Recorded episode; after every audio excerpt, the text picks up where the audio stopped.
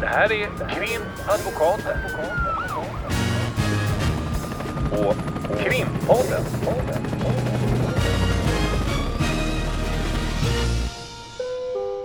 Parter och ombud kallas till sal 32. Hej Lotta! Hej Ulrika! Idag så fortsätter vi med vår serie som heter En vanlig dag på jobbet. Mm, och nu har vi en eh, favorit i repris med nya inslag. Med, man kan säga. med nya inslag. Vi har nämligen, eh, jag presenterar dig här, vi har, som du är en favorit i repris, så har vi då eh, tidigare tingsrättsdomaren Mikael Svan som numera är hovrättsdomare. Och du var med oss förra året här på Almedalen och då berättade du förra juni, juli eller när det nu var vi var här att du skulle sluta jobba i tingsrätten och att du sen skulle börja jobba i hovrätten. Så du har väl jobbat kanske snart ett år? Ja, ganska...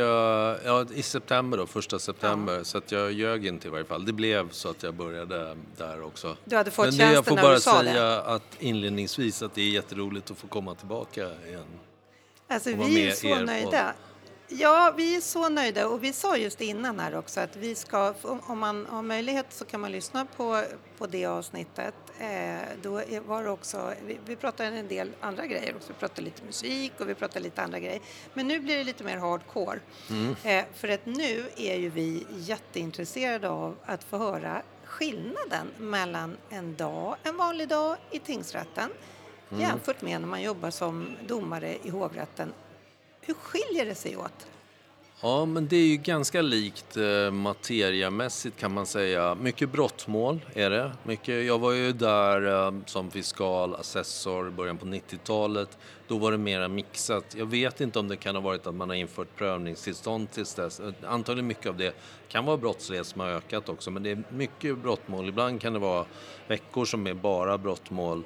Eh, väldigt få familjemål. De faller väl på prövningstillstånd. En del dispositiva tvistemål ibland är det. Och ganska fullbokade dagar, men koncentrerade dagar så att förhandlingarna börjar lite senare, eh, 9.30 oftast istället för 9. Så man startar lite senare och man blir ofta klar när man tror att man ska bli klar för det är ju inspelade förhör så att det är oftast, det är inte sådär som det ibland kan vara tingsrätt att det tar lite längre tid. Så att du kanske kommer loss en hyfsad tid och så, men du, det är väldigt fullmatat kan man säga under den tiden för att veckorna är oftast inbokade antingen på förhandlingar eller på föredragningar då har vi också när vi avgör på handlingarna och en fiskal föredrar. Då, och då är det ju jättespännande för oss som, som eh, eh försvarare och målsägandebiträde att vi tänker ju då att när man sitter som domare i tingsrätten, då, där, där är ju liksom, vi brukar säga att målet på något sätt lever. Och det lever ju, eh, det kan hända vad som helst i tingsrätten och vem, en, en person kan säga någonting helt annat än vad vi har förväntat oss. Eller haft, det, det händer, domaren lägger sig i eller eh, kommer med synpunkter, inte lägger sig i på ett negativt sätt utan processleder och det kan även vara på ett negativt sätt. Men att, att det liksom är en, en process i sig. Och när ni nu sitter i hovrätten och tittar på de inspelade förhören, ja, går man miste om någon liksom, känslan av dynamik och att det just lever? Eller, eller är det... Berätta! Mm, nej men, alltså jag kan väl säga det att um, som, som tingsrättsdomare och, eller som du säger från olika håll så hör man ju att det, det är liksom tråkigt med förhören och livlöst. Det är ju lite, till slut blir det ju ändå så att man ändå lever sig in lite som du kan leva in i ett tv-program kanske och sådär, att- eller en film, att man ändå någon går igenom rutan på det sättet. Så att jag tycker ändå att det det, var, det är lite mera liv i, i eh, tv-tittandet än vad jag trodde. Ibland dock kan det ju vara lite segt. Eh, nu är inte jag den här ordföranden som avbryter så mycket för jag tycker också att alla ska ha sin day in court och så vidare. Men det kan bli lite långt och man kan ju som ordförande ibland på ett vänligt sätt få saker att tuffa på. Och då, visst, om man läser ett referat i en tingsrättsdom och förstår att det viktiga är sagt på de första fem minuterna men man ser att förhöret är en och en halv timme, då kan det bli lite eh, så kanske segt. Visst. Och då eh, kan jag säga någonting som vi ibland kan uppleva som, som sekt. Det är ju när vi överklagar till hovrätten och sen så anser hovrätten att målet ska avgöras på handlingarna. Mm. Och då blir vi förelagda att eh, ja, i stort sett skriva ner en slutplädering. Mm. Och som advokat i rätten så är det en del av nerven att man eh, argumenterar det är väldigt sällan man har en rakt av skriftlig plädering. Det kanske man hade när man var precis i början. Men, men det händer ju grejer även i pläderingen. Man argumenterar, det dyker upp någonting. Man kanske också upprepar någonting några gånger för mycket. Men det, är- det, det är ett liv i det hela. Och sen ska man sätta sig ner på sin kammare och skriva sin plädering. Det är, är bland det jag ska inte säga tråkigast, men det är mycket jobbigare att sitta och skriva ner en plädering. Och när ni läser då dem, tänker ni så här, "Eh, vi ser att de inte tyckte det här var så kul. Ja, jag kanske har för lite erfarenhet. Jag har ju suttit mest i förhandlingsmål, men jag har suttit i några sådana här APH som jag lärt mig förkortning. betyder då. det? Avgörande på handlingarna. Ehm, men en motfråga är ju, vilket kanske är svårt, för det är ju svårt att jämföra det målet som har tagits på handlingarna om det skulle ha varit förhandling. Men tycker du, om du har två liknande mål, känner du att utgången är olika då? Eller att domen från hovrätten blir olika i APH-fallen än i förhandlingsfallen? Eh, Om jag skulle säga ja på den frågan då betyder det att jag är våldsamt dålig på att skriva en plädering så det vågar jag inte uttala mig om. Men eh, det är också det, det är de här jättestora målen, de avgörs ju inte på det sättet. Är, eh, men men eh, jag vågar inte riktigt uttala mig där för då hör jag lite skraj för att, att bli bedömd eh, på, på mitt sätt att skriva pläderingar. Men jag, jag tänker utifrån att ni då i de målen där det är så att vi inte är med och tittar på filmen, uppspelningen av vittnesförhör, partsförhör och så. Då kan det ju vara så att vi kommer en förmiddag och så är det inställning, överklagan, sakframställan och sen går vi hem och så gör vi andra grejer, det gör åklagaren också. Så kommer vi tillbaka och så pläderar vi.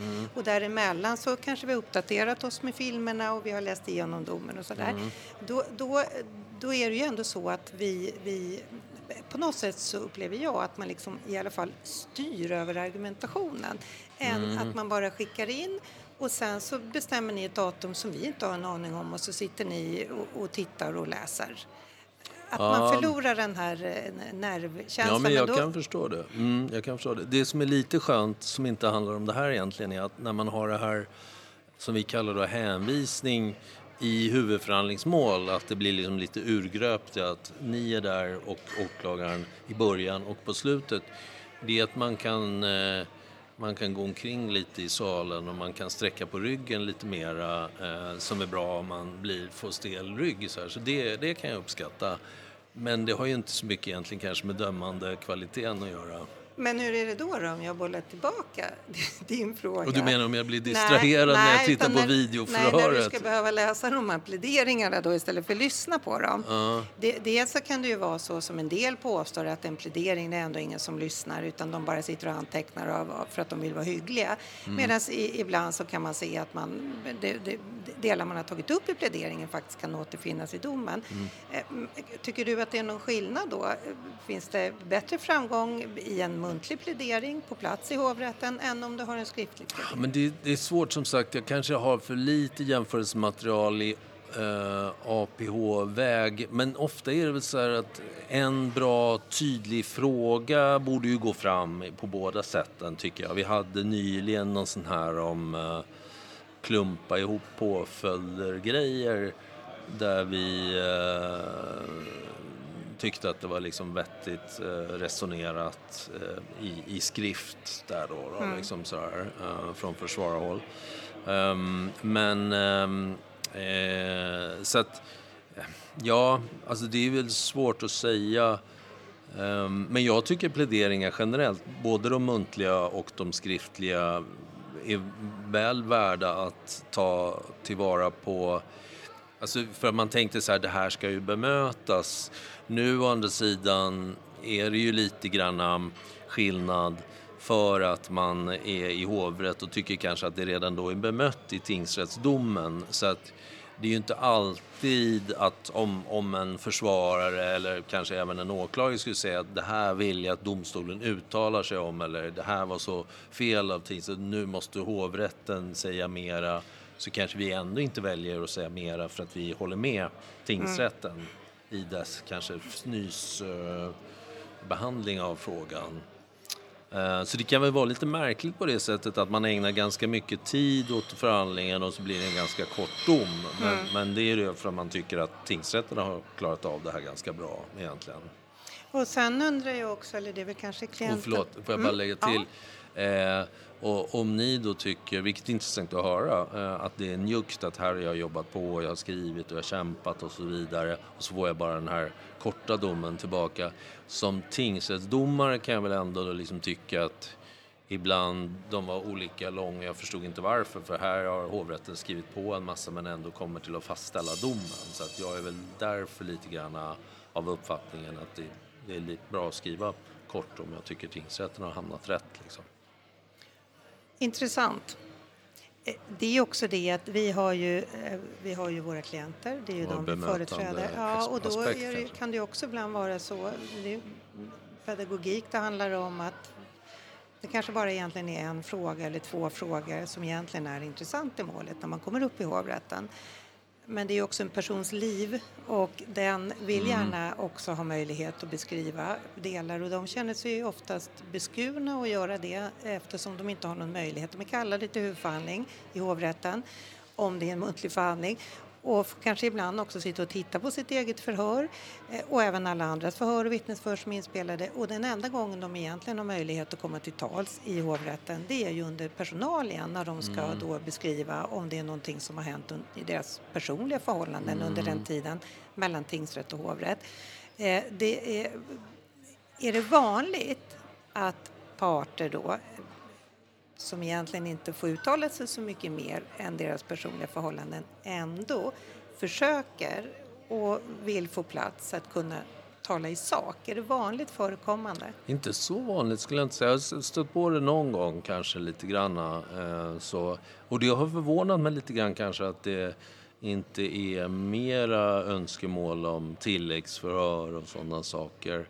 Um, Särskilt som jag har förstått att man kanske har ändrat policy lite grann. Nu, nu låter det, det här är farligt förstås, som att jag bjuder in till flera, men att man kanske var ganska njugg inledningsvis och har, har blivit mindre njugg. Fast samtidigt kan det ju vara för att det är det material som finns och så. Att ofta är ju, som jag sa, tingsrättsförhören ganska utförliga. Mm. Det är de ju absolut.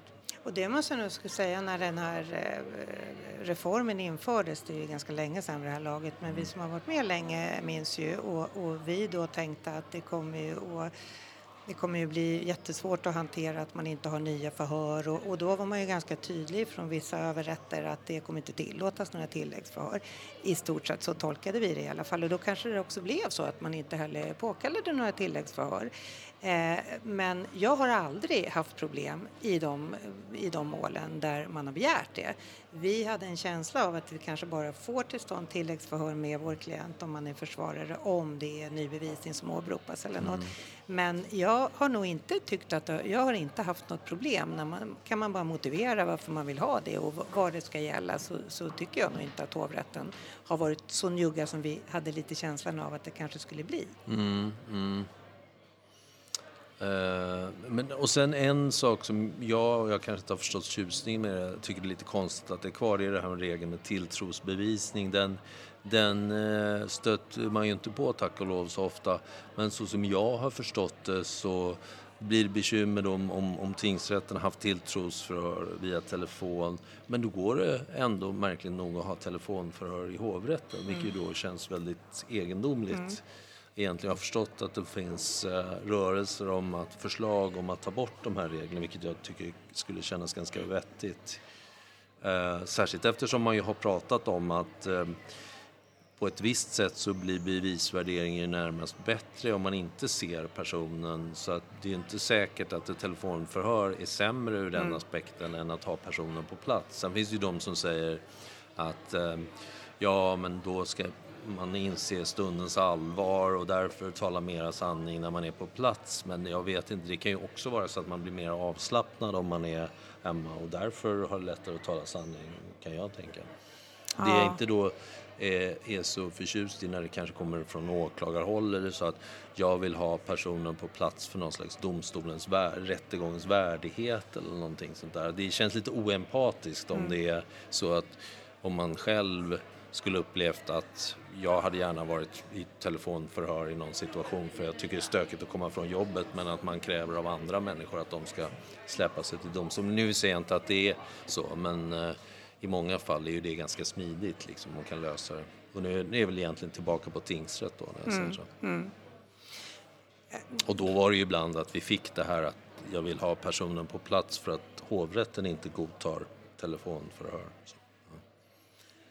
Sen tänkte jag, eh, eh, det är ju skillnad att vara tingsrättsdomare och vara hovrättsdomare. Mm. Eh, Och eh, nu är inte jag så här precis eftersom jag känner till yrkestitlarna men nu pratar jag på ett sätt så att man tänker en domare i hovrätten Mm. helt enkelt. Eh, när vi går upp i hovrätten eh, som försvarare då brukar vi lite skämtsamt säga till varandra att ja nu ska man upp i hovrätten. Det är inte så sällan man kanske har överklagat sista dagen. Det finns ju en viss taktik i, i att göra så. Eh, och så, kom, så gör man det och sen så kommer man upp till hovrätten om det inte är frihetsberövat ett antal månader senare. Och sen kliver man in där och så tänker man att nu attans kommer det något här. Och, och, och det gör oftast det. Eh, och vi tänker de sitter där och tittar på film eh, men sen är de ganska, kan de vara ganska picky. De, eh, Då, då det, kommer en fråga, ja, hur är det advokat Borg här? Vi har en fråga här, har du några synpunkter på åklagarens uttalande här angående institutet Reformatio Impeius? ja, det har jag kanske. Hur tänker du då? Eh, att, att man är alltid lite, när man kommer upp i hovrätten, är man lite sådär att nu kommer det något här. Oftast så fördelas det här mellan åklagare och advokat så att är, man får lika mycket att- känna på där. Men är det så att ni är lite sådär, att nu blir det mycket film här men vi ska, vi ska få lite tydligheter här i förhållande till åklagare och försvarare. Ja, men, jo, men på sätt och vis. Jag skojade ju med det. Jag hade några um, um kollegor som jag brukar liksom chattskriva med och så skrev jag lite eh, bara för att retas med dem. Nu har jag varit med i min första hovrätten som noterar att även den och den paragrafen är tillämplig fastställer tingsrättens dom. För det var ju det som man som tingsrättsdomare tänkte man att Åh, har de inte något liksom, de måste vara just lite picky. I min dom som var så fin så måste de ändå hitta någonting. Men det är inte, snacket är inte på det sättet att låt oss knäppa någon på näsan utan det är väl det man är ju det. Det är liksom tre par ögon ser mer än ett och, och då är det ju liksom någon hittar någonting och någon hittar någonting annat.